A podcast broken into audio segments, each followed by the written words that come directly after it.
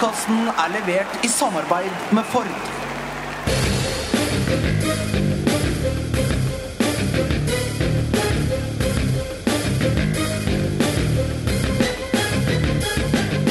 Har du sett? Barcelona gikk på en smell og tok bare ett poeng hjemme mot Celta Vigo. Og vips så kunne konkurrentene ete seg inn på serielederen. Bortsett fra Valencia, da, som tapte mot Chetaffe. Og Real Madrid, som spilte uavgjort mot Atletic. Ja, det var bare Atletico Madrid som vant, så luka til Barcelona ble faktisk litt større enn akkurat ja, ei liga. La liga loca. En litt gærnere fotball. Da er det La Liga Loca sin tur til å innta The Podmobil. Vi har satt oss i en Ford Fiesta og ragga rundt i eh, Oslo. Dette gir jo oss en gyllen mulighet til å møte noen lyttere. For framfor hver eneste La Liga Loca-episode så har vi bedt eh, lytterne våre på Twitter f.eks. om å stille oss eh, spørsmål. Eh, sende inn eh, ønsketema som vi kan diskutere i løpet av episoden. Eh, og vi skal gjøre alt det der som normalt eh, i dag òg. Men i tillegg så inviterer vi noen av lytterne inn i bilen til å stille spørsmål direkte til oss. Eh, mitt navn er Magna Kvalvik. Hei. Uh, jeg har med meg Petter Veland. Hei. Hei. Og jeg har med meg Jonas Giæver. Hei. Shalom. Hei, må du si. Hei da. Hvor hen skal vi begynne etter denne serierunden, da, gutta? Jeg har merka meg at etter de første ni kampene så har ikke det blitt noen borteseiere. Det er før Girona og Alaves har spilt, for øvrig. Vet du når forrige serierunde uten borteseier var? Det var liksom mitt cue til deg, det der, Petter. Ja, det var det. 14. serierunde forrige sesong. Så eh, 14. serierunde er jo da altså den neste i La Liga. Så nesten, nesten en hel sesong da fra forrige gang til kanskje. Eh, og dette vet jo lytterne når de hører på denne podkasten, fordi eh, ja. Alaves eh, skal jo spille hjemme, eller borte mot Girona nå om ikke så veldig lenge. Eh, Den tror jeg vel strengt at ikke de vinner, så jeg regner med at vi har fått eh, den første serierunden uten borteseier i La Liga denne sesongen. Og en annen ting som er litt interessant å merke seg, er at Leganes er nummer sju og Chetaffe nummer åtte. Det var jo liksom der lag som Real Betis eller Real Sociedad eller Atletic skulle ligge. Ja, og så hvis Girona vinner, så er vel de nummer ni, er det ikke det? Ja, det kan godt hende. Det, tabellen har jeg ikke framfor meg i vår Ford Fiesta for øyeblikket. Eh, I løpet av denne episoden så skal vi selvsagt gå gjennom runden sånn som vi pleier. Vi må kåre en ukas Fiesta og en ukas Mm Fokus. Som sagt, vi skal touche innom Vi skal ha noen gjester. Hvor mange har vi gjort avtale med som vi skal møte i løpet av turen, Jonas? Har du oversikt? Ja, det er tre stykker. Tre, Tre stykker. tre ulike personer med tre og ulike spørsmål, eh, forventer jeg. Da skal vi til Østerås og Grefsen og Grønland. Er, har jeg rett nå? Det høres riktig ut, det. Og det er eh, greit variert hvor vi drar i, i Oslo. Så det er, eh, fint å ha variasjon både i spørsmål og destinasjoner vi skal til. I denne nydelige og veldig romslige Ford Fiestaen. I tillegg så blir det sjølsagt helt vante spalter som f.eks. La Liga Locora. Jeg håper alle har valgt seg ut en Locora før vi har begynt å ta opp denne gangen. Eh, at vi kommer forberedt. Ja da, vi har gjort leksene våre, Magnar. Barcelona Celta Vigo 2-2. Eh, det var jo den det var jo, altså Barcelona var jo det første storlaget, eller topplaget, da, som var i aksjon denne helga. Og eh, med det uavgjort-resultatet så kom disse her ei liga-meldingene. Altså det er en liga, eller hva det Altså det er spenning i toppen, skal det bety. Eh, men så eh, røk jo alle de andre kanonene på nederlag, bortsett fra Eller iallfall poengtatt, bortsett fra Atletico Madrid. Eh, men eh, hva skal vi si om Barcelona Celta Vigo? Var det, var det liksom her alle disse problemene vi har annonsert for Barcelona sin del, faktisk kom til overflata, eller? Altså, Jeg syns den kampen her skiller seg litt fra tidligere Barcelona-kamper. For der har man jo liksom hatt et, eh, et inntrykk av at det har vært eh, solid. Det var en fartsdump. Fartsdempere i eh, fartsdumper Hei, vent litt! Eh, apropos, vi har jo en sjåfør. Øyvind, du må si hei. Hei sann. Det er sjåfør Øyvind. Han kjørte nettopp over en fartsdump. Også kjent som, Også kjent som tekniker, Øyvind, ja. fra Trondheimsturen. Helt riktig. Så- Ja, Barcelona. Ja, Barcelona. Eh, tidligere denne sesongen så har jo i hvert fall jeg hatt et inntrykk eh, av Barcelona som solide. Eh, som ikke har skapt kjempemange sjanser ut ifra hva vi har vært vant til å se av de de siste årene. Ikke sluppet til all verden. Denne kampen her var eh, kanskje den første type Hawaii-kampen jeg har sett eh, under Ernesto Valverde sin ledelse, der det bølger fram og tilbake. Selvfølgelig Barcelona med klart flest store målsjanser. Det er jo eh, noen som betrakter dette som et ran. Eh, at eh, Celta Vigo etter spillersjanser ikke fortjente eh, poeng, og denne eh, situasjonen der Luis Suárez blir avblåst for offside når han er alene igjennom.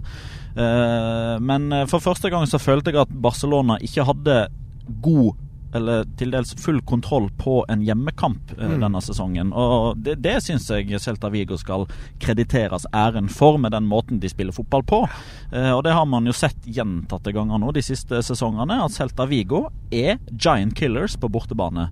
Eh, de vant på Camp Nou for tre sesonger siden. De slo Real Madrid i cupen eh, forrige sesong. De slo Atletico Madrid i cupen for to sesonger siden. De vant på Ramón Sánchez Pitruan for to år siden. De vant på Mestalla for to år siden. De vant på El Madrigal for to sesonger Mye som siden. skjedde for to år siden, syns jeg. Eh, De slo Atletic Club forrige sesong, så det er liksom ikke en eneste vanskelig stadion Celta Vigo ikke har vært på uten å ha vunnet noe de siste to-tre årene. Og det er en, det er en prestasjon det står veldig stor respekt av. Ja. Jeg synes, jeg synes at eh, det de var ekstremt flinke på, var å bruke Altså Camp Nou er jo en utrolig svær fotballbane. Altså, Den er like stor som alle andre. Det der Ja, er en myte. ser- Mindre enn Santiago Bernabeu. Er den det? Jeg syns alltid at den ser er, så ka utrolig mye større ut. det er kamera som er så djupt. så Er det det si. virkelig det? Ja. det er, fordi ja. det er lang avstand fra der uh, kameraet står til Ja, men jeg, banen. men jeg har alltid forestilt meg at den har vært mye større. Jeg syns bare den ser mye større ut. Det er kanskje det at Barcelona har vært så flinke til å bruke hele banen også. Ehm, jeg føler uansett det at, eh, det at Celta var flinke til å vende spillet fra, fra kant til kant. Få Barcelona til å løpe mye etter ball. Være di direkte nok, men ikke for direkte i, i spillet sitt. Og egentlig sjokkere Barcelona litt ved å være såpass gode i, i hva skal vi kalle det for noe? Oppspillsfasen offensivt. Um, de lot liksom ikke Barcelona komme til dem slik kanskje mange andre lag gjør. Og Så dere det bakrommet på skåringen 0-1, eller? Ja. Det var Og den, ikke bra. og den offside-fella til Piquet Uh, Offside-fella Ja. som ikke var fella, mener du?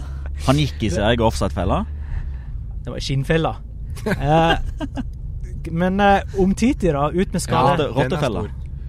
er, ja, Altså, Bendik Diesen spør jeg, hvor stor er den krisa for Omtiti at han er ute i to måneder, og betyr det handel i januar?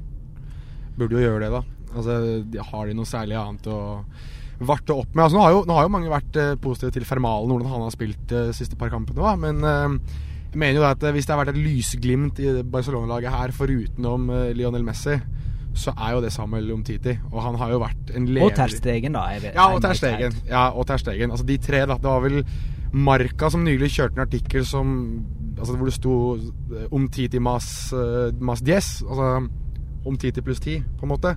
At det er han som er uh, hjertet i det laget der. Men, men eh, Nei da, jeg, jeg føler at når de mister han og så kort, kort tid opp mot Classico, og hva er det snakk om to måneder uten han? Det er vel en strekkskade i hamstring eller noe sånt, var det ikke det? To Så- måneder, ja. To måneder uten de to ti. Men typ to måneder fra midten av desember, da, da, da skal ikke du så veldig langt eh, forbi overgangsvinduets slutt før Omtite da faktisk er tilbake igjen. Nei. Så da spør jo liksom jeg tilbake igjen eh, OK, eh, skal man hente en stopper, og så er man plutselig en stopper mer enn hva man har vært gjennom hele sesongen de siste fire månedene av sesongen. Ja, Da mange- er det noen som ikke kommer til å være spesielt fornøyd med situasjonen sin. Men hvor mange stoppere er det egentlig der, da? Fire? Mascherano, Fermalen, Piquet og Omtiti. Er det, Ja. nok, er det nok, da? Det er jo det som har vært hele sesongen. Det er fire stoppere som er normalt å ha. Det er det samme som Real Madrid har det. Varan, Nacho, Vallejo, Ramos. Ja, men jeg vet ikke om de er like skadeutsatt, da. Nei, de er jo i utgangspunktet ikke det. Ramos Altså er jo teller riktig nok- Fermalen egentlig som Ja, det det, stopper Ja, i den det kvartetten? Barcelona har jo fortsatt ikke tapt med Fermalen i aksjon. Nei, det er sant, det. Hva er det, tolv kamper på tre år? Eh, 13 kamper nå, vel. Eh, series, eh, riktignok. Eh, men eh, i tillegg så har de jo David Costas fra B-laget, som har 20-25 kamper for Celta Vigo på CV-en fra tidligere.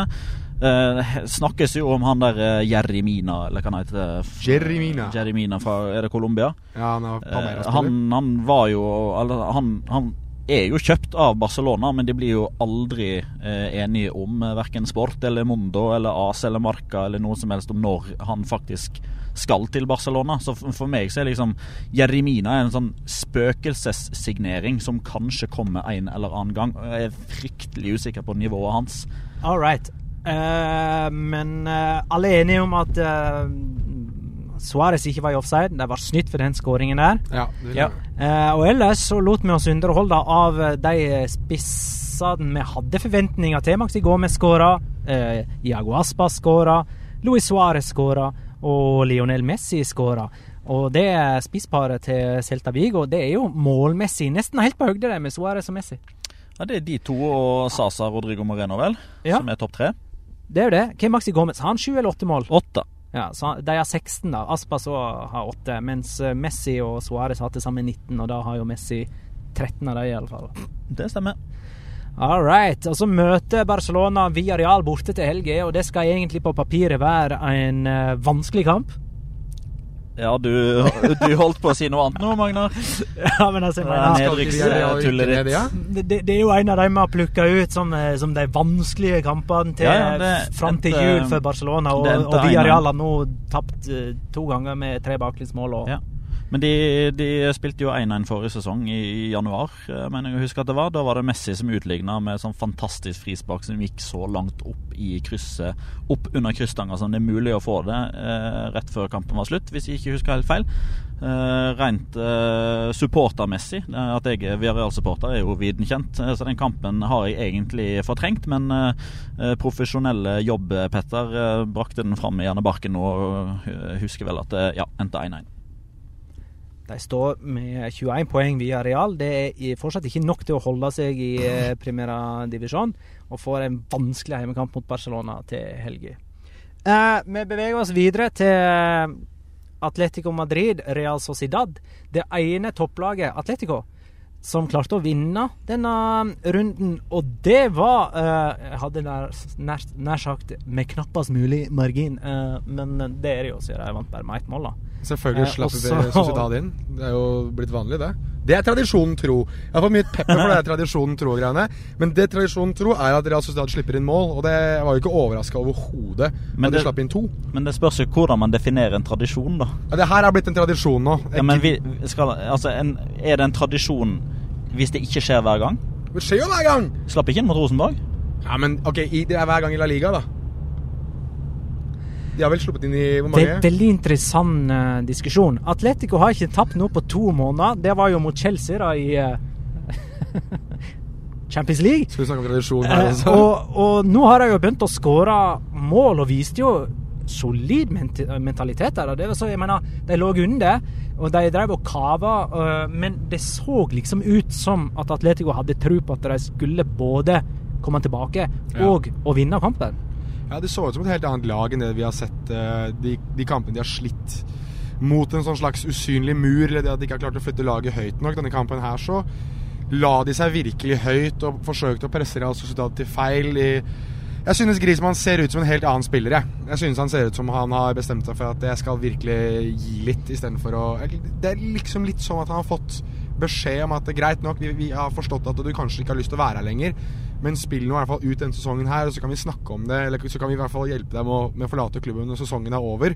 Altså Han ser helt annerledes ut, og ser ut som han spiller med en helt ny driv, eh, og det ser ut som at det også driver eh, Atletico Madrid videre. Fordi altså, tidligere, sesong, I tidligere sesonger så hadde ikke de slått tilbake der og fått uh, 2-1 på slutten. Uh, og at det er han som gjør det òg, det, det bare understreker det poenget, tror jeg. Så hjelper det veldig på at han uh, nå i hvert fall tilsynelatende ser ut til å ha en fast mann ved siden av seg som Ja. han kan utvikle en viss relasjon til, i stedet for at det er liksom Gameiro den ene kampen, så er det Torres den andre kampen, og så er det Vietto den tredje, og så Correa den fjerde, og Carasco den femte.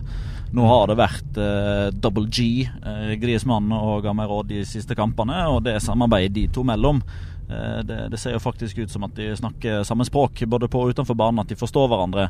Og det at jeg ga meg råd som ligger der oppe og hele veien pusher på for å strekke motstanderne eh, med, med tempoet sitt, det gjør jo at Grismann får mer rom eh, å ligge i. Han er mer en sånn type mellomromspiller nå enn en spiss. Han tar de seige løpene. Det snakket vi om siste, siste episode også, at han endelig har fått en som gjør drittjobben foran han. da Brage Økland spør Er Atletico Madrid å regne med i løpet igjennom? Altså i kampen om tittelen, da? Nei. Har de vært ute?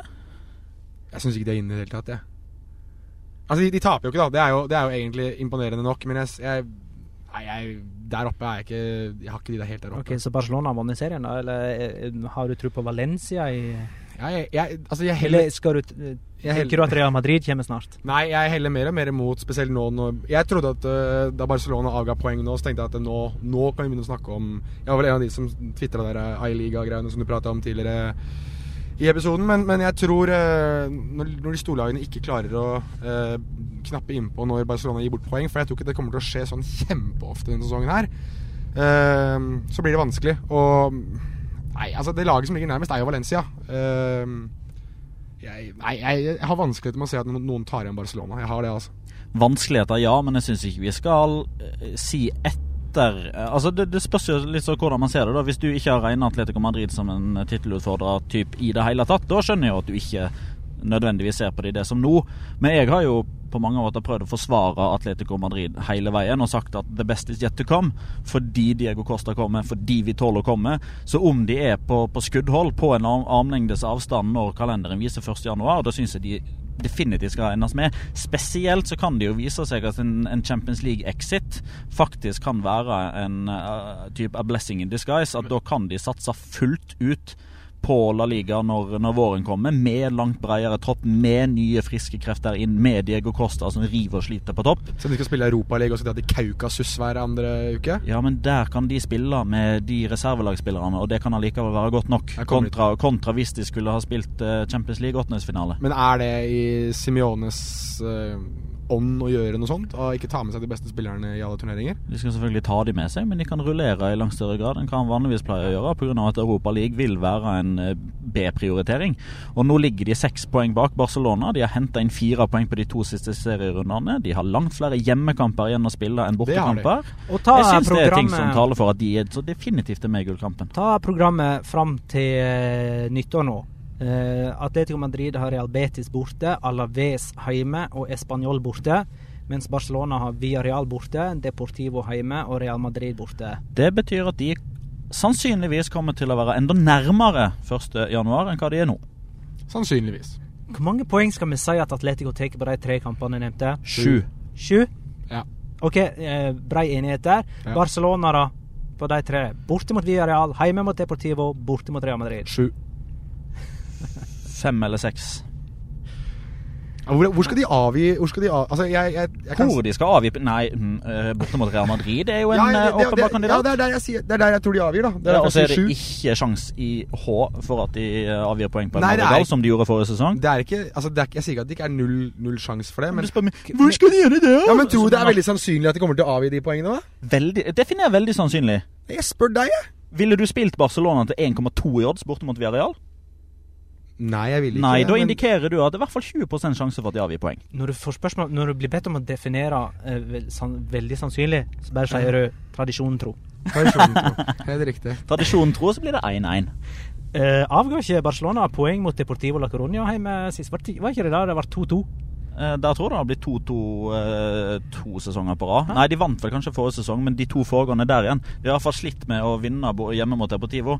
Eh, Så skal det da sies til Barcelonas noe formildende omstendighet at den ene 2-2-kampen var i siste serierunde, der de allerede var seriemester. Da trengte vel. Deportivo ett poeng Ja. for å holde seg. Stemmer. Skulle Oblak hatt rødt før straffefellingen? Nei. Nei. Hva skal vi si om sjansebombene til Angel Correa? Den skal ikke du prate om. Den skal vi prate om etterpå. Ja, OK. Men det var en pen skåring av Filipe Luis, da. Og, Den var eh, fin. Med høyre. Ja, og Grismann som avgjorde mot gamleklubben.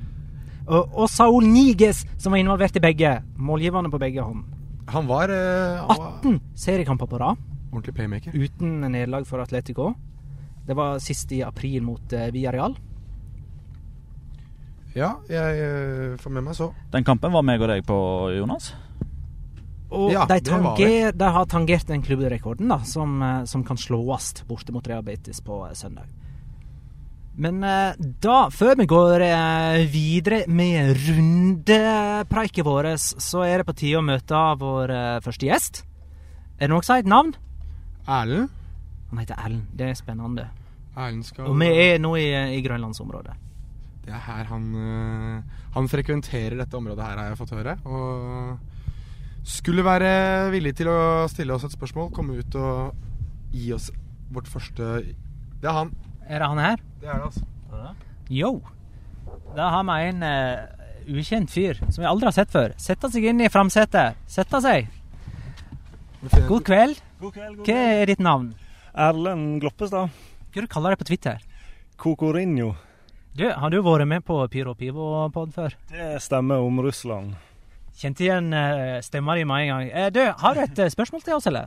Ja, det jeg egentlig lurte på var hvilke tre norske fotballspillere dere har lyst til å se i La Liga?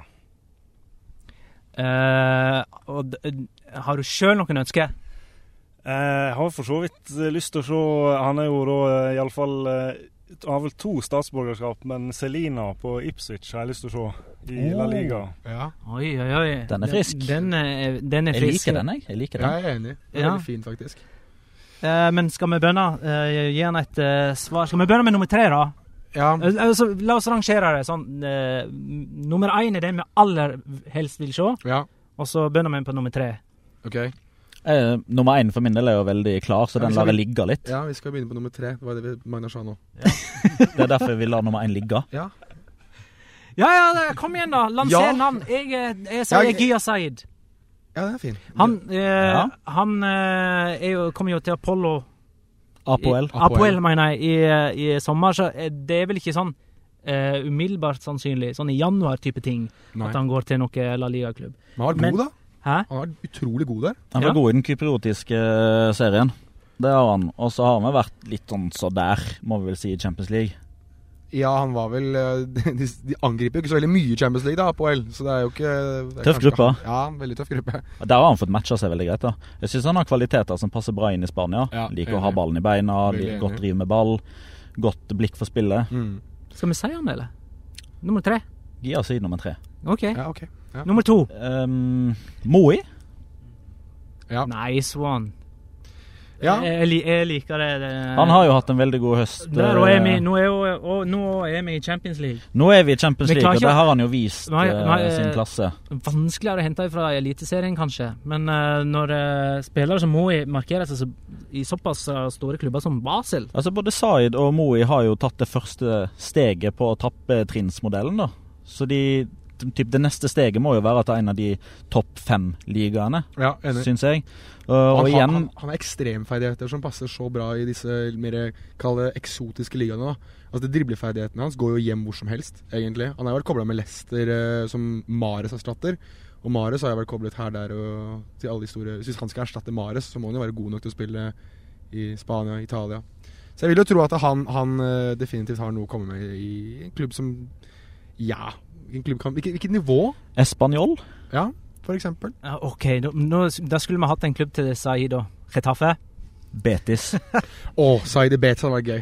Du, Erlend, hørte du uh, vårt intervju med Sanne Berge? Eh, ja, det gjorde jeg. Ja vel. Eh, gjorde ikke det? Jo. Jo da. Det kan, det kan godt hende du ikke gjorde det, og da, det er helt fair å, å si, men eh, eh, er det en grunn til å tro, siden vi har hatt Sander Berge med i La Liga Loca, at eh, vi har noen andre som nummer én? Nei. Jeg har Sander Berge som nummer én. Ja, ja, også Sander Berge som nummer én. Og Det er litt fordi jeg har lyst til det, men òg fordi jeg føler at det er det som er klart mest sannsynlig. Ja. Hvor sannsynlig? Skal du ha prosent? Nei, jeg vil ha konkrete prosesser i overgangssagaen fra Ja, men, eh, Belgia til Spania. Ja, men det er greit. Men altså, der har vi jo allerede etablert uh, over en ganske lang periode, periode nå at Sevilla er veldig interesserte i Sanderberget. Mm. Eh, Presidenten José Castro har jo til og med vært ute og hatt et tosiders oppslag i Stadio Deportivo der det står helt åpent 'Vi ønsker Sanderberget'. Mm. Eh, Vi har jo sjøl snakka med Sanderberget, Ja. og han vil til Sevilla.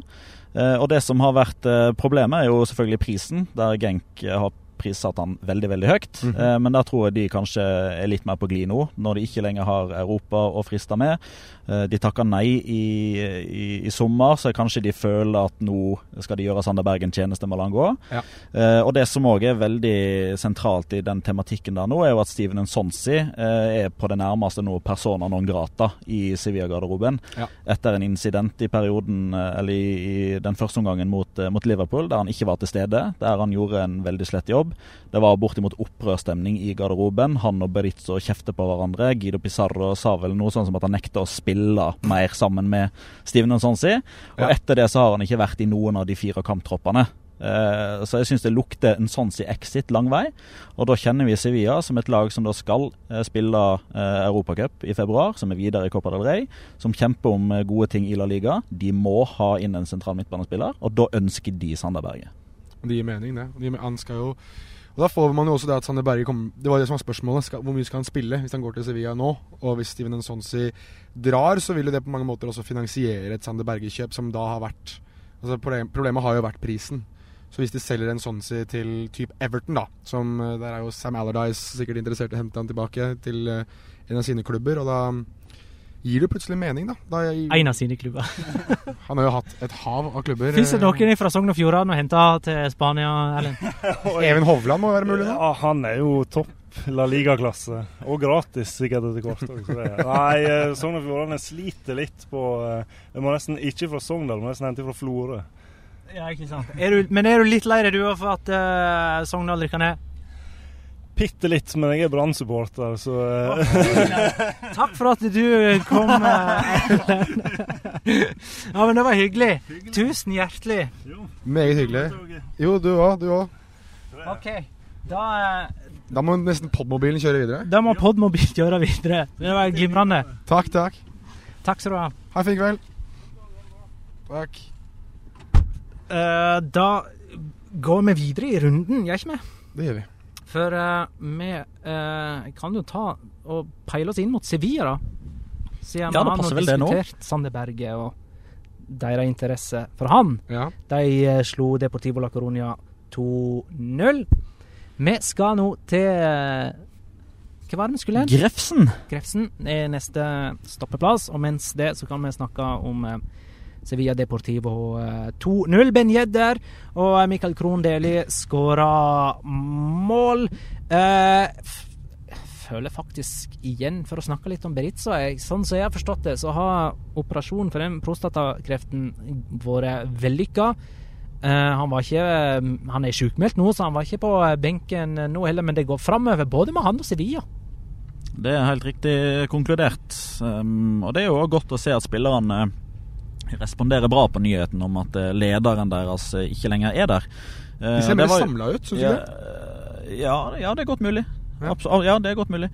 Han godeste um, um, assistenttreneren, Marcucci Det er det han heter, ikke sant? Jeg surrer ikke nå. Marcucci. Jo da. Eh, han eh, tok jo sjøl på eget initiativ og snakka litt om akkurat det der hvordan dynamikken i en spillergruppe kan endre seg ved at man går inn i garderoben, og så er ikke lederen der. eh, han som man alltid hører på. Og at han var litt spent på hvordan spillerne kom til å reagere på at det var han, og ikke Eduardo Berizzo som holdt peptalken osv. Men det har de jo respondert veldig bra på. Først og fremst i de to seriekampene de har spilt, der de Først og nok en gang kom veldig skjevt ut mot eh, Villarreal, men snudde 2-0 til 2-3 på bortebane. Og så har de hatt to fine opplevelser hjemme på Ramón Sánchez Pitruan uten det, der de ikke har blitt stilt på de store problemene med 4-0 mot Cartagena i cupen. Og så 2-0 mot, eh, mot Deportivo la Coruña, der de ikke underholdt noe særlig. Det gnistra ikke av de, men de gjorde akkurat den jobben som måtte til for å ta en relativt komfortabel trepoenger, uten å bruke for mye krefter før den viktige kampen mot, eh, mot Maribor i Slovenia på onsdag. Men er Ben Yedder i ferd med å bli helt Cristiano Ronaldo? Jeg vet at han, eh, at han skårer nå, altså. eh, Det er greit, det. Men han har tre mål på åtte kamper i La Liga. Og åtte mål på sju kamper i Champions League, inkludert playoff. Hva er dette en slags uh, trend? Cristiano-syndromet, da. Han, øh, jeg er helt enig med deg. Jeg syns det virker veldig merkelig. Men jeg synes jo også Han det at bøtta i mål mot Liverpool, liksom. Ja, nei, men øh, alle kan skåre på Liverpool om dagen, virker det som. Så Ja. Bortsett fra Stoke. bortsett fra Stoke. Mm. Det, nei, jeg, jeg, synes, jeg, jeg synes at eh, det, er litt, det er litt rart å si, men jeg synes Sevilla ser også litt sånn som Atletico Madrid ser ut som et helt nytt lag nå. At de ser ut som de er mye mer samla. Og det kan jo også ha litt å gjøre med at eh, kanskje Steven Nsonsi var en eh, var en verkebyll i garderoben der. Kanskje han er, har oppført seg på en måte som gjør at det har spredd seg ulmen stemning i laget. Og nå når han er borte, så eh, får de en større frihet. Kanskje det er mer, bedre stemning. Kanskje man, man uh, ikke har det der eh, ekle over seg. Og i tillegg så virker det også veldig som at laget, som jeg nevnte tidligere, har samlet seg veldig når eh, lederen deres, Beritzo ikke uh, har mulighet. Det er ikke det at han ikke vil, men han har fysisk ikke mulighet til å være der. Og da kan det jo fort være at det har samlet laget, at vi skal stå vi skal stå samlet uten lederen vår, og vi skal stå samlet når han kommer tilbake igjen også. Og de møter altså Real Madrid til helga. Ja. Det er på lørdag. Santiago Bernabeu. Én ting er garantert. Og det er helt likt på poeng. 28. Men det er én ting som er garantert. Verken Ronaldo eller Ben Yedder kommer til å skåre den kampen her. Mm. Ikke Kanskje, kanskje litt snacks å hente der? Ikke Casemiro og ikke Sergio Ramos kommer til å skåre heller. Men Ikke skal- Carvahall heller. Ikke Carvahall heller. Men vi kommer tilbake til det der. Men vi har på en måte nå gjemt langt inn i sendingen en av de store overskriftene etter denne serierunden. Det er Valencias tap mot Getafe. Stemmer. Vi er nødt til å snakke om det. Er dere klare over det? Ja, Ja. ja. Er det her vi ser hvor vanskelig Valencia får det med å takle press? Altså, de hadde på en måte to stykk pressfaktorer i denne kampen. Det ene var at Barcelona allerede hadde avgitt poeng, så de kunne ete seg innpå. Det andre var at Getafe fikk en mann utvist, og det, er på en måte litt sånn pinlig å ikke vinne kamper man spiller 11 mot 10, i alle fall så lenge som det Valencia gjorde. Og er det akkurat det som feller dem?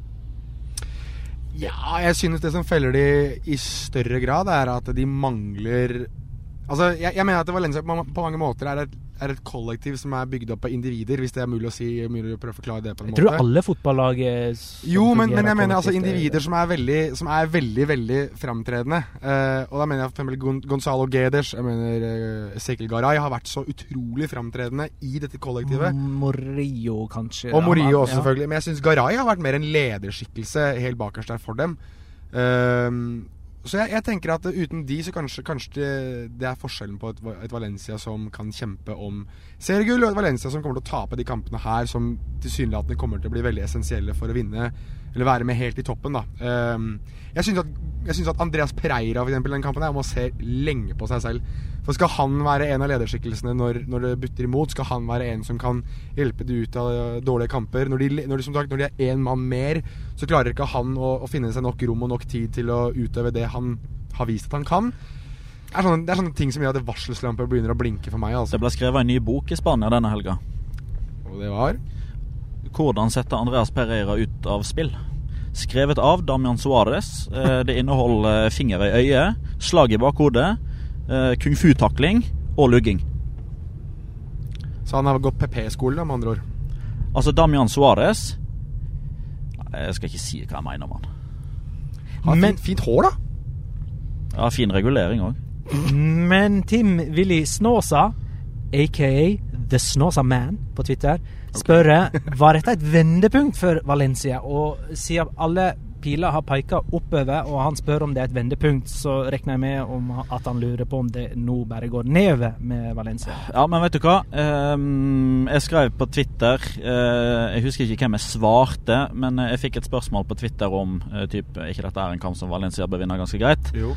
Eh, da, da fikk jeg en litt sånn vond følelse i magen på vegne av Valencia. Eh, fordi nå har vi liksom gjennom hele høsten så har vi liksom snakka om at nå ville det vært typisk, eh, eller som Jonas formulerer seg, tradisjonen tro, eh, at Valencia hadde snubla der og der og der og der, og så snubla de At de nok en gang taper åtte kamper på rad. Sju. Eh, men, men så har det liksom ikke skjedd. Men til syvende og sist så må det tapet komme. Og det hadde vært så typisk da at det kom mot Retafe, der Valencia hadde favorittstempelet, der de mangla Gedes, der de mangla Garay, der de mangla Morillo, etter at både Barcelona og Real Madrid hadde avgitt poeng. Litt sånn som du er inne på, det der ekstra presset som blir lagt på dem. Uh, og da er det så typisk at Valencia feiler. Uh, og selvfølgelig, vi skal behandle Valencia med all verdens respekt. Det fortjener de. Eh, men jeg syns det framstår helt soleklart nå at eksempelvis Atletico Madrid er en langt større tittelutfordrer mot Barcelona enn Valencia. Rett og slett pga. kamper som dette her. Én kamp, og så konkluderer du med det? Kamper som dette. Dette her er den femte dårlige kampen på rad de har spilt, der de omsider får det resultatet de faktisk fortjener. Men er, ikke, er ikke det på en måte merkevaren til et lag som skal utfordre om en tittel, at de vinner på dårlige dager? Ja, nå kommer du til å si, men de tapte jo her. Helt riktig. De må jo tape igjen noen gang også. De kommer ikke til å gå en hel sesong uten å tape. Og eh, Vicente Guaita, som jo en gang i tiden spilte for Valencia, hadde en ganske bra kamp. Han, fall, Han hadde en fantastisk redning på frisparket Ja, til Danny er som han slo i stolpen. Den var helt fantastisk. Men så skulle det jo ikke bare Så skulle det jo bare mangle da at Valencia får noen avslutninger på mål når de spiller 11 mot 10 i 65 minutter. Men det var ganske eh, heftig, det presset en stund, altså. Vil jeg hevde. Ja, på slutten så var det det. På, på slutten så bygde det seg opp et veldig press, eh, og da lå jo Retafe-spillerne strødd rundt om. Eh, og Ja, da, det, da, det da hadde de lett for det. da, da var det sånn eh, Vi leder med ett mål, og det er få minutter igjen, og får et veldig vondt-syndromet. Det ble de eh, ramma av ganske ofte. Mm. Valencia har fram til jul Celta Vigo hjemme, Eibar borte og Villarreal hjemme. Giant Killers ved Celta Vigo på hjemmebane. Kontristyrken til Aspas, Maxi Gomez og eh, Pionicisto. Uten Garay, hvis han ikke kommer tilbake igjen. Uten Morillo. Jeg enser en liten eh, skrell der igjen, jeg, altså. For Chris Robin Eriksen mener jo Valencia er som natt og dag uten Garay, Morillo og Gedes. Eh, Hvordan er det med Gedes? Han er ute resten av året. Og kanskje ikke Garay eller Morillo heller. Morillo er òg ute resten av året. Garay har i utgangspunktet en noe mildere skade, så der eh, handler det vel først og fremst for Marcelino hvor trygg han er på Gabriel og Veto om han ønsker å gamble med Garay. For risikoen der er jo at eh, argentineren kommer tilbake igjen i aksjon for tidlig, og plutselig så er han òg ute i en måned eller to. Real Madrid Athletic 0-0. Og nå er det mange som lurer. Ehm, Nå er det mange som lurer på om var ikke det Atletic som spilte hjemme? jo, det, det er greit. Atletic Real Madrid 0-0. Nye samme mes. Rett skal være rett. Eirik Lieng, når begynner Zidane å sitte utrygt i stolen? Og nå vet jeg at du har statistikk å komme med igjen, eh, Petter. Du tenker på poengfangsten etter 14 serierunder? Yes. Når sist hadde de ikke mer enn 28 poeng etter 14 serierunder? 2008-2009-sesongen. Da hadde de 26 poeng etter 14 runder. Da var de trent av Bernt Schuster. Han fikk fyken etter den 14. serierunden. Men hvordan hadde det gått sesongen før? Da ble de seriemester. Med Fabio Capello. Så, det, vi prøver å si her nå, er at Zinedine Zidane er Bernt Men de hadde ikke vunnet to Champions League på rad. Nei, og Capello fikk jo da faktisk fyken fordi de ikke spilte underholdende nok fotball. Eh, Det er jo et argument man faktisk kan bruke mot Zidane akkurat nå. For det å se Real Madrid angripe for øyeblikket, det er jo som å se eh, maling tørke, nesten. Ramos utvist for 19. gang i La Liga. Det er jo ganske mange, men skulle jeg ha tippa, så hadde jeg kommet opp på 30-tallet. Ja eh, Hva skal man si til sånt? Nei, det, det er greit. det. Det er første gang på seks år at Real Madrid spiller to bortekamper på rad uten å skåre. Uh, men uh, vi har en uh, ny gjest på gang, fordi at vi er på Grefsen. Er det der vi har kommet nå? Ja, det stemmer det. Og jeg er litt sånn spent. Hvem er det egentlig vi har gjort avtale med nå? Det er Magnus Bernstrøm som skal inn i bilen her. Er det han, ja? Det er det. Det er en kjenning. Han er en kjenning. Han er et quiz-fantom, og der ser jeg han borti gata her. Nå skal han inn i bilen her. Så quiz-fantom nummer én. OK, få han til å gå inn i eh, passasjersetet på fronten, eh, Øyvind. Ja, Han kan gå bak bilen og rundt og inn. Sånn, ja. Der har vi den. Der går døra opp, og vi får en ny gjest inn i Podmobil Uh, for det fiesta. Hei, hva er ditt navn? Mitt navn er Magnus. Eh, eh, ta gjerne hele. Magnus Jølle Bernstrøm er mitt. Uh, og du har sikkert en Twitter-bruker. Ja, Bernstrøm. Og du har sikkert et spørsmål. Ja, eh, spørsmålet mitt baserer seg på at eh, Du må gjerne, du må gjerne snakke helt sånn inn i Helt inn, ja. OK. spørsmålet mitt handler om Paco Hemus, som er, som er eh, rykta tilbake til La Liga. Så det blir litt eh, tredelt. Så først er hvor dere tror han kommer til å gå. Og så er det hvor dere håper at han skal gå. Og så er det om han eventuelt kunne gjort suksess med en større klubb.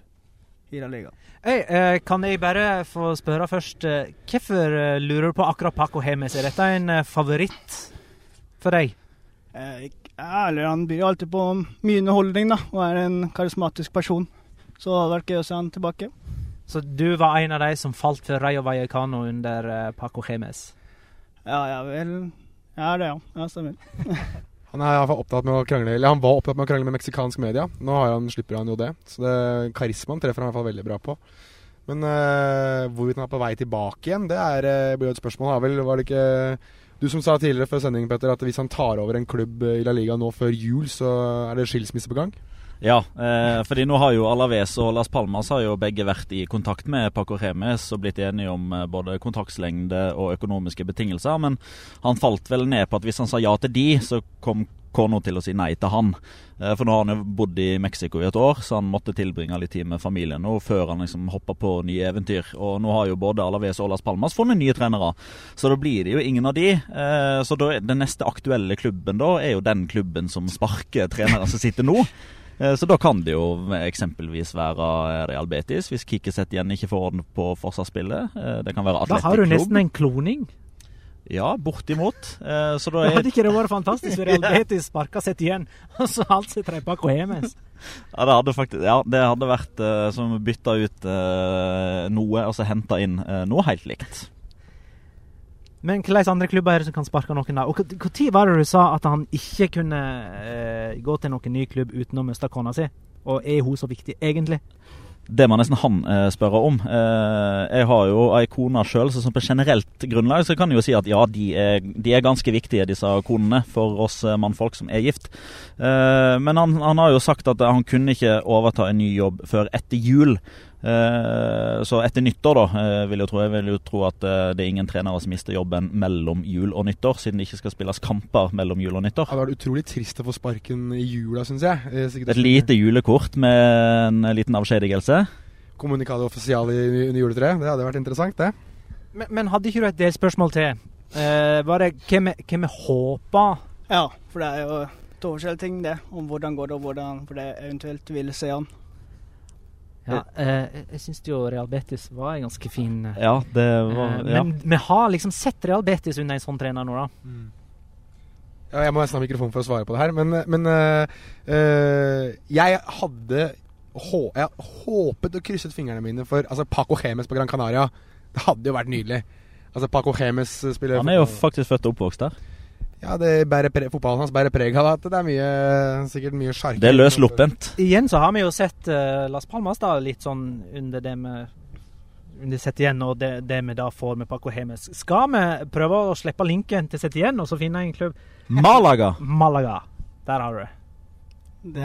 Det, Det hadde vært veldig gøy å sett uh, Paco Remes i Malaga. Uh, men for å ta det tredje delspørsmålet, da, kunne Paco Remes gjort det bra i en toppklubb? ja, det er et Ja. viktig spørsmål. Og svaret er nei, tror jeg.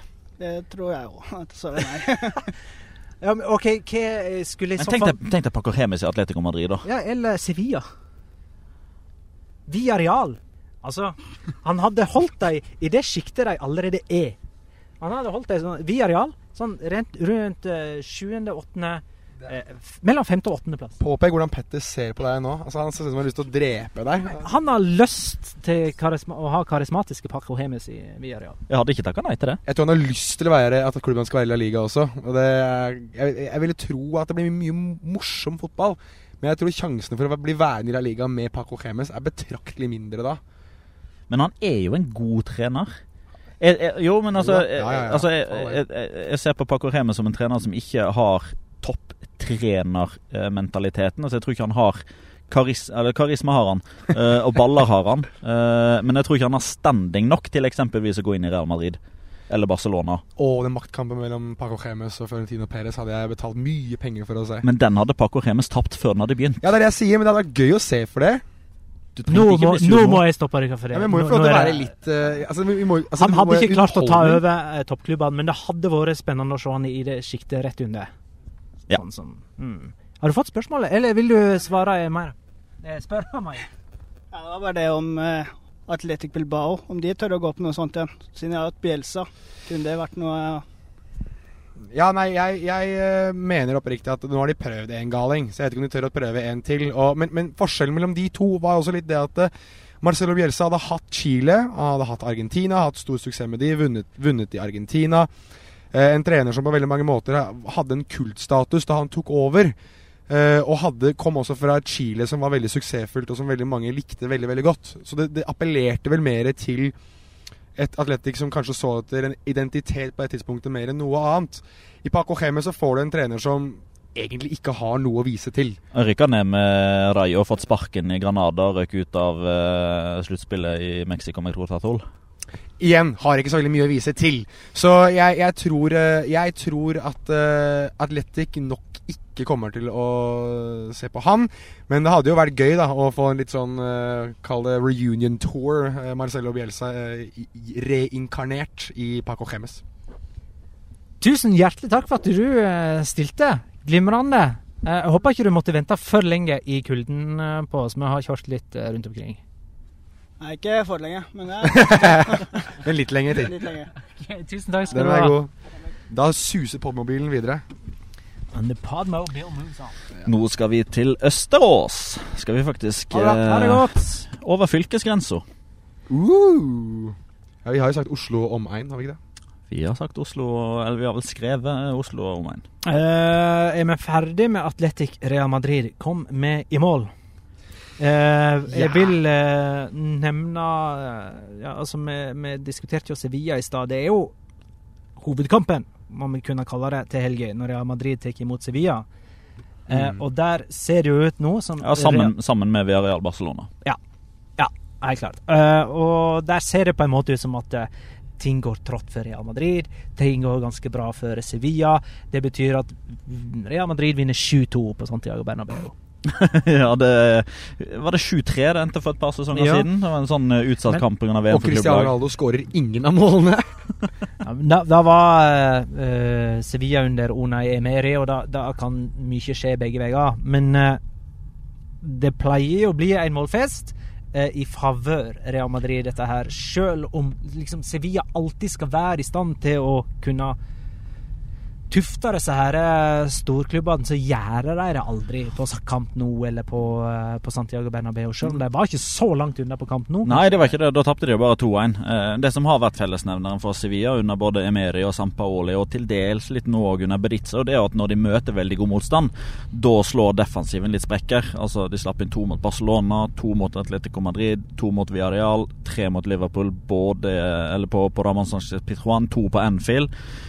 Så når de liksom møter ordentlig gode angrepsspillere, som jo per definisjon Cristiano Ronaldo og Karim Benzema er, i tillegg til Marco Ascencio som er tilbake fra skade, så, så skal Real Madrid kunne skåre en del mål i den kampen der òg. Samtidig så ser man jo da på fraværene som Real Madrid pådro seg mot Atletic Club nå. Sergio Ramos utvist, Casemiro med sitt femte gule, Carvajal med sitt femte gule. Så det er tre av de seks bakerste er ute for Real Madrid.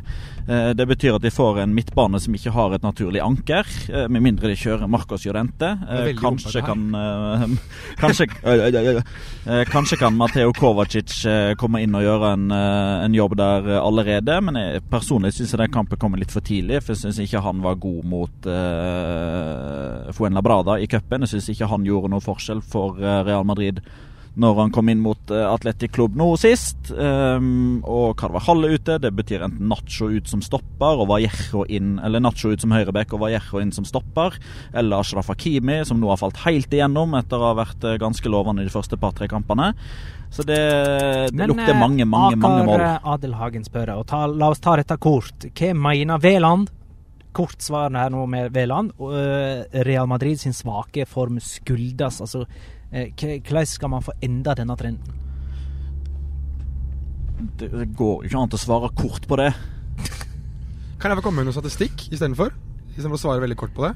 Som jeg synes, Vi er alltid Petter som har statistikken. Men jeg Hvis har det er noe relevant til spørsmålet til Ade. Ja, det er jo det. At ikke de, at ikke de skårer nok mål. Uh, er jo Altså, Benzema og Ronaldo står på totalt hvor mange mål nå, Petter? Fire. Ja, det er fire mål totalt. Hvis vi nå eh, ser på et par av de spillerne de ikke har lenger, så er det litt gøy å notere seg det at eh, Alvaro Morata har vel ni ligaskåringer på 14 kamper for Chelsea. det er jo eh, altså Vi har snakket om at han kanskje ikke hadde villet ta den rollen bak Benzema, og kanskje vært den som skal avlaste han tider. Men Mariano Diaz, som Petter i sin tid mente at ikke var god nok for eh, Real Madrid, og det er kanskje riktig, det, han hadde nok villet ta den rollen. Og han står på 12 ligaskåringer på 16 kamper for, for, eh, for Lyon i Ligue 1. Det er da ikke, det er ikke en, en suveren leder, det er ikke det suverene topplaget. Dette er spillere som kunne ha pusha Benzema, og Ja. kanskje komme inn og skåre de gangene Benzema eh, ser eh, gjennomsiktig ut, som er ganske han- ofte. Eller i hvert fall gitt han litt kamp, da. Om, om at han ikke er ubestridt nummer én helt forrest der. At det er spillere som kunne puste han litt i nakken. Jeg tror ikke Morata hadde vært riktig for å gjøre det, men Mariano Diaz må jo ha bevist at han i hvert fall kunne ha gitt han litt kamp, da. Og kanskje fått han til å heve nivået sitt lite grann. Jeg mener, når du skårer så mange mål i Ligue som er egentlig en ganske god liga Er så- egentlig en ganske god liga. Ja, men mange mener kan ikke vi bare det si at en liga god liga. Ja, men- er en god liga? Jo, jeg, jeg Altså, Poenget mitt er heller det at det er veldig mange som synes at ja, men det er fransk eh, liga. Fransk fotball Ja, er ikke så bra. Det er de som ikke ser noe Som ser tippekampen, og det egne, det. vi bruker våre egne øyne. Men har ikke vi, har ikke vi Gud- på det spørsmålet nå? Syns det er bra, jeg. Ja, jeg Det er stang godt, ut eh, istedenfor stang inn. Ja. Ja, det er jo mye, det. Mariano til Real Madrid. La Liga Loca finstuderer. Nordin Amrabat.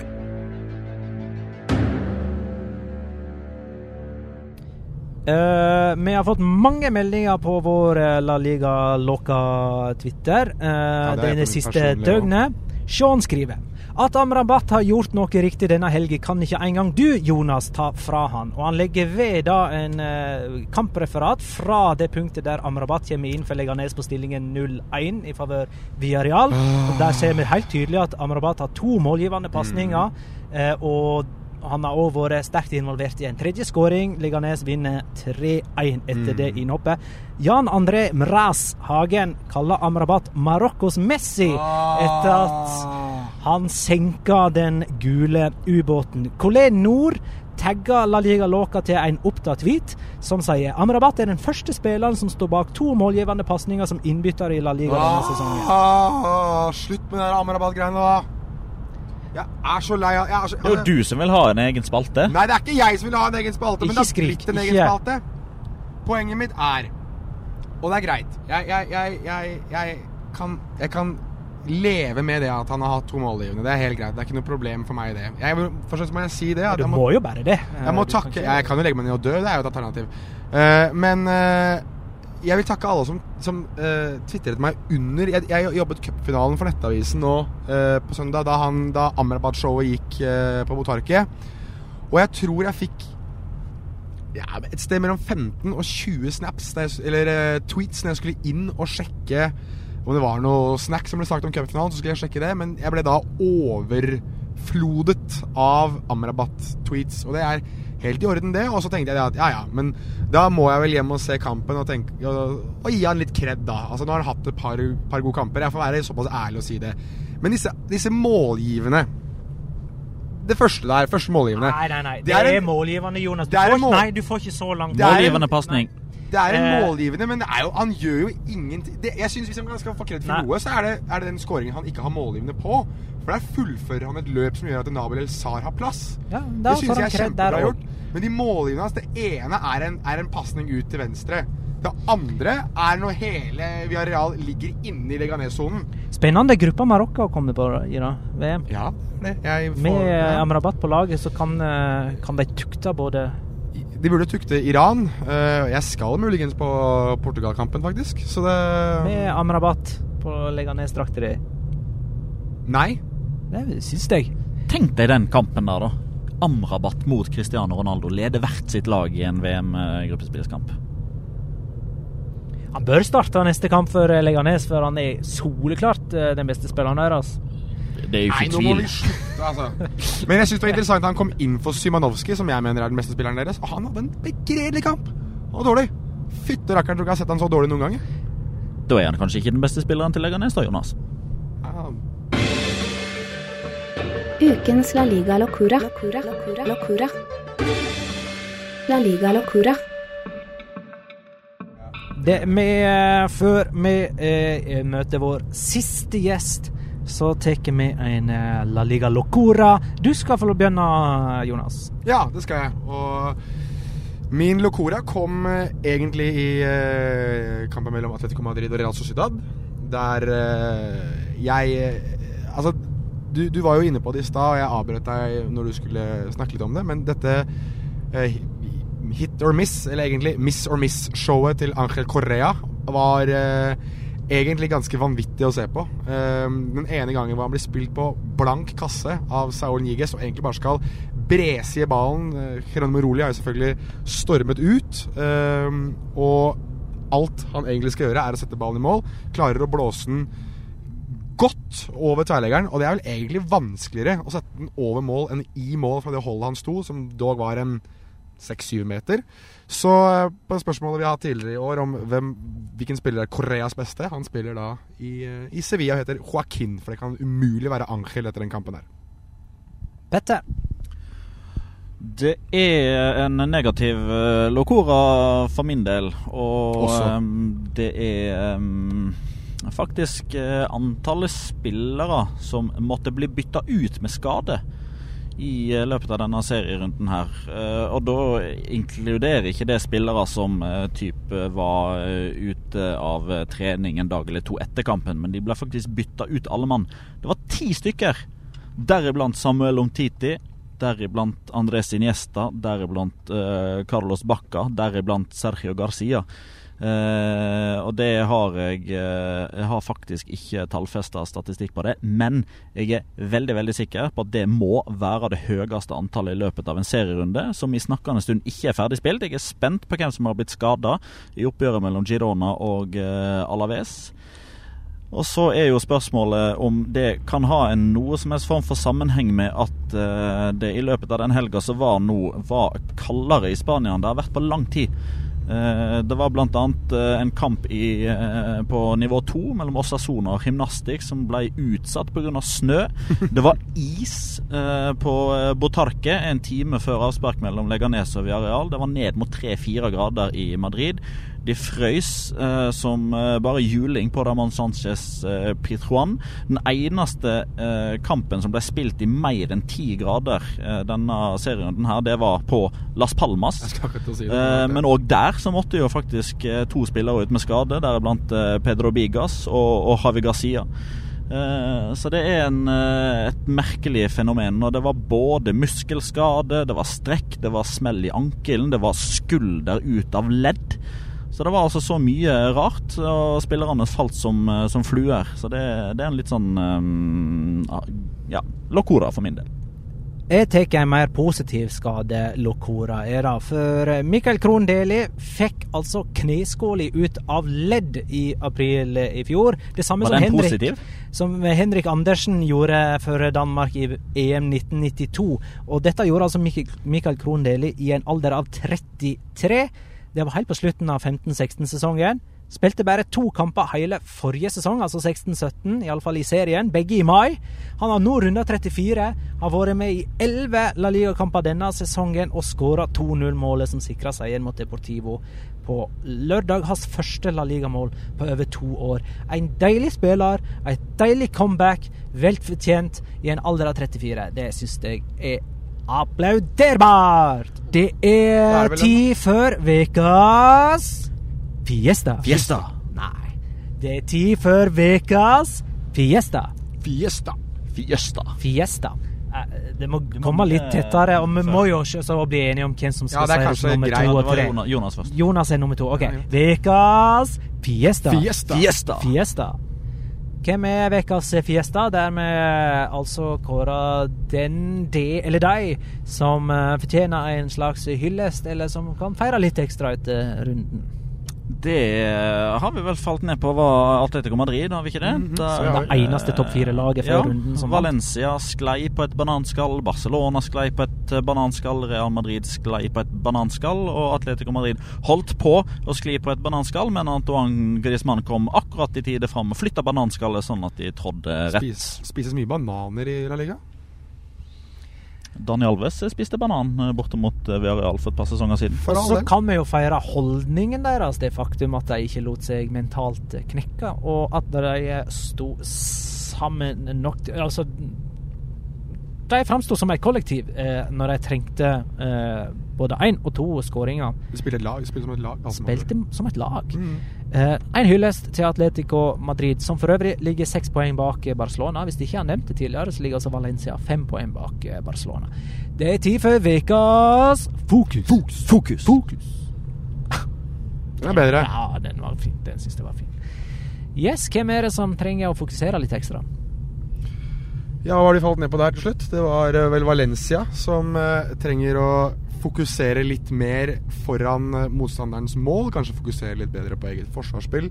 Og fokusere litt mer på om hvorvidt de skal ligge i tetkampen eller ikke den sesongen. Fokusere mot press. Og det som eh, Ja. Unnskyld at jeg avbryter, men Ja. eh, jeg husker da Atletico Madrid på en måte sakte, men sikkert jobba seg opp i toppen av La Liga. Først med, med 12-13-sesongen, og deretter 13-14-sesongen der de vant. Da var det så ekstremt viktig for eh, Diego Simione å påpeke at etter, en nedtur så, så var ikke en trend snudd. Man skulle opp igjen og vinne neste kamp. Var, neste kamp ble så ekstremt mye viktigere etter et eh, nederlag. Og det er vel der eh, Valencia er nå, at det, det her har ikke på en måte enda ei rekke uten tap. Dette er jo liksom bare én kamp i ei lang rekke av kamper de skal spille. Ja, han sa jo det at det viktigste med et uh, tap er hvordan man reagerer på det. Uh, Diego Simione. Og, og sånn blir det jo for Valencia sin del òg. ja, jeg vet at Dani Parejo uh, gjentatte ganger uh, påpekte at det ikke var en unnskyldning. Eh, men det eneste som han brukte som en forklaring for at de tapte mot Retafe rett etter kamp, det var jo at gresset var dårlig, at det ikke var klipt. Eh, og at det ikke gikk an å spille god fotball der. Eh, da syns jeg man har et helt annet fokus. Det hadde han ikke snakka om eh, dersom de hadde klart å vinne den kampen der. Gressteppet var like dårlig for Retafe eh, som, som det var for Valencia. Eh, så jeg syns eh, de, de må rett og slett bare bytte fokus. De må begynne å spille den type fotballen som de spilte borte mot Betis, som de spilte hjemme mot Sevilla, som de spilte borte mot Real Sociedad. Der de turte å angripe, der de kom med begge bekkene samtidig, der både Parejo og Condogba flytta høyere i banen. Nå har det nesten blitt litt sånn at de har følt at de har fått noe å forsvare. Altså de må forsvare tabellposisjonen sin framfor å være i angrepsposisjon jeg. og føle seg som en utfordrer. Eh, Så det de må ha fokus på fram mot eh, hjemmekampen mot, eh, mot Celta Vigo nå, er å få flere baller fram til Rodrigo Moreno og Simone Sasa.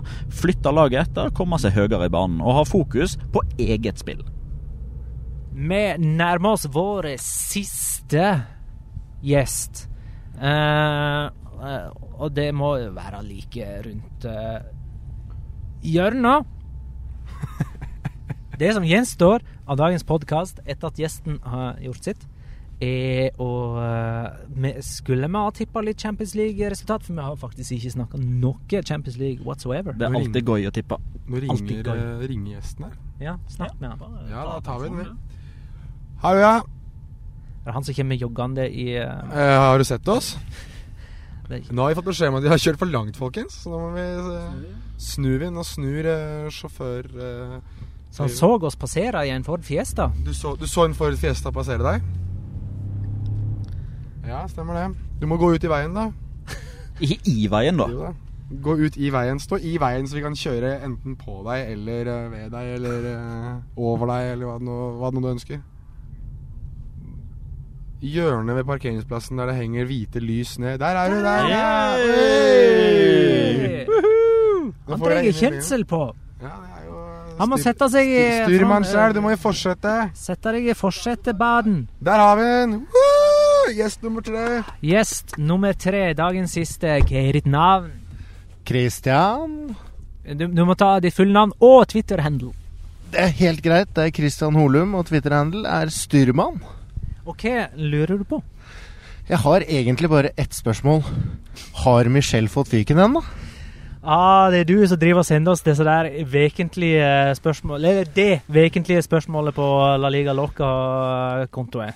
Noen må ta ansvar. Noen må ta ansvar. Har uh, Mitchell fått sparken? Dette er jo en av de vanskeligste spørsmålene vi har fått i dag. Mitchell har ikke fått sparken ennå. Da veit vi det. Det er jo perfekt. Da har jeg en grunn til å spørre neste uke. Det er Ja. det som er det positive.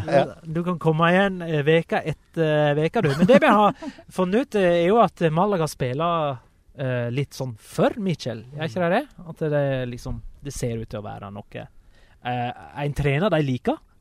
Ja, Det virker som om de i hvert fall uh, har nok respekt i han, for han og for metoden hans til at de, de legger seg ikke bakpå. Det er ikke en sånn typisk lag som ser ut som de er uh, møkk lei av treneren sin og ikke blir motiverte og ikke spiller med denne klisjeen som er hjertet utenpå drakta. Eh, de slåss, de kjemper, men, jeg, men som jeg har repetert et par ganger nå Jeg tror bare ikke de er gode nok. Jeg tror bare ikke at eh, spillertroppen har kvalitetene nok til å gjøre det stort bedre enn det de gjør. Og jeg tror ikke det står og faller så mye på Mitchell som eh, det vanligvis kanskje gjør med trenere. Så jeg, jeg eh, som jeg har sagt tidligere, jeg har en sånn liten respekt både for Malaga og for han. Det at de, de, de gir virkelig alt. Det er bare ikke mye de har å gi.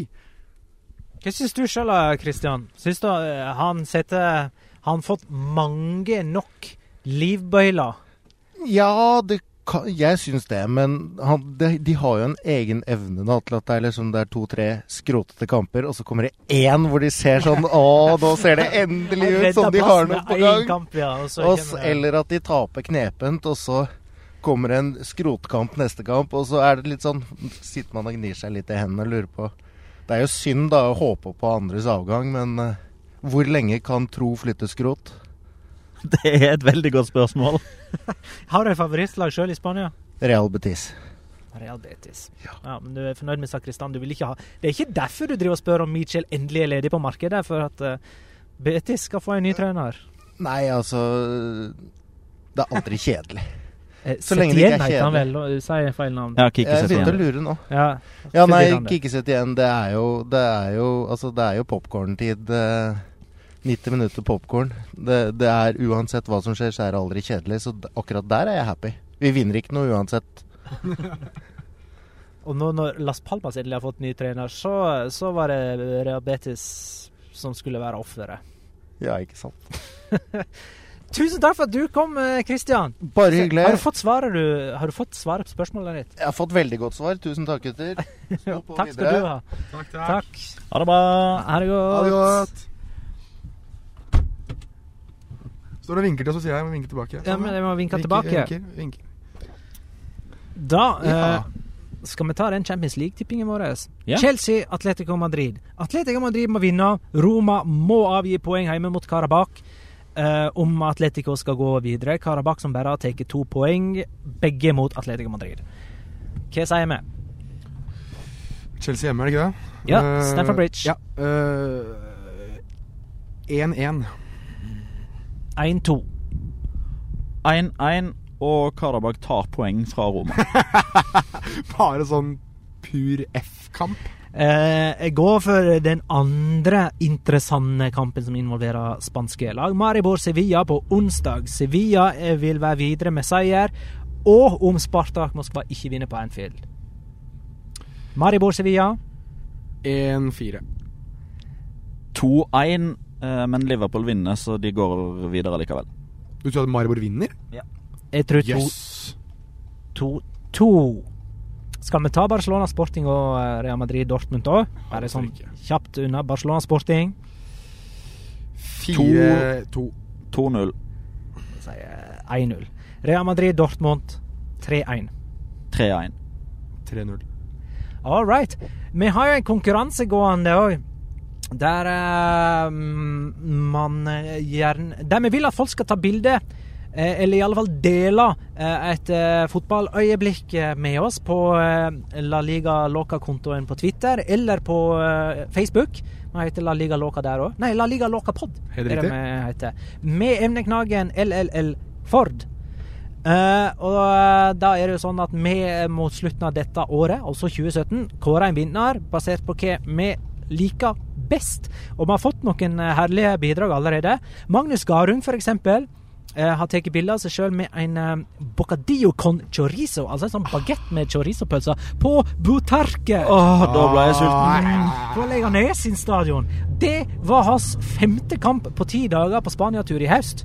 Han har, òg faktisk tatt bilde av at Nordin Amrabat blir bytta inn i den kampen. Han sitter, han sitter faktisk rett bak eh, trenerbenken til Leganes. Det er bokstavelig talt fra himmel med Bucadillo til helvete med Amrabat, altså.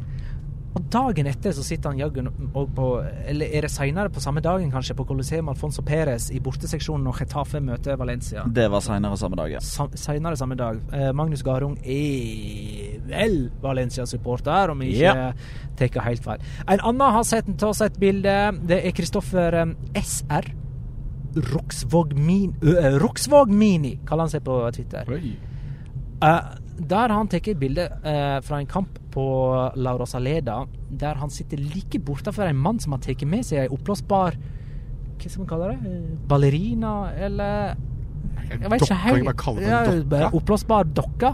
Altså, denne mannen sitter og snakker med en kompis til venstre for seg, mens dokka sitter på kne til høyre for han, med en BH à la det Madonna brukte på 90-tallet, og bare ser utover mot eh, kampen. Det er Og ikke noe Malaga-drakt? ikke malagadrakt. Interessant da, at den dokka sikkert følger bedre med på kampen. Og det er like bortafor Kristoffer SR som har tatt bilde av det der.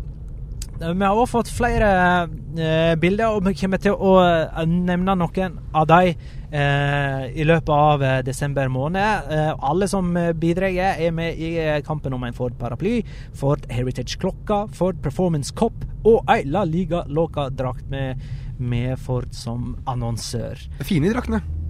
De ordentlig Vi fine. tok vel bilde rett før vi satte oss i bilen her, og det ligger antagelig ute både på Snap og Instagram og Facebook, om vi ikke kjenner dere helt feil. Mm, ligger i hvert fall på, på Twitter-gruppa vår. Uh, på torsdag den 20. desember, det er altså bare et par dager til, så skal vi ha quiz igjen på eh, pokalen. Jeg håper folk blir med på eh, moroa. Vi må stikke hjem og lage quiz med nå, da. Ja, vi må det. Mm. Det skal bli vanskeligere enn noen gang. Nei, det skal ikke det. Det skal bli eh, Vi har vel alltid en eller annen sånn ordentlig brain teasers, og så har vi eh, spørsmål som er i alle ferdighetsnivåer. Forrige gang vi var, hadde quiz, var det 14 lag. Ja. Eh, det syns jeg var et fantastisk oppmøte, og jeg håper vi klarer å enten tangere eller til og med toppe eh, det. Mm. Jeg veit ikke med dere, men jeg skal se Girona Alaves i opptak før jeg begynner med den quizen.